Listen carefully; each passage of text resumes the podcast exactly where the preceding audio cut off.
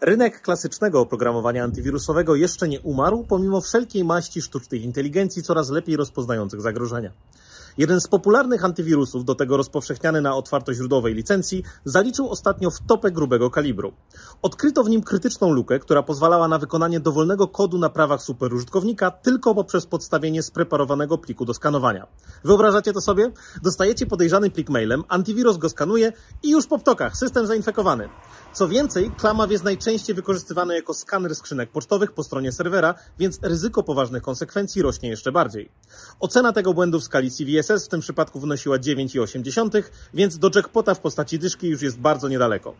Luka została zaatana w najnowszych wersjach oprogramowania, więc jeżeli z niego korzystacie, to aktualizujcie się szybciutko.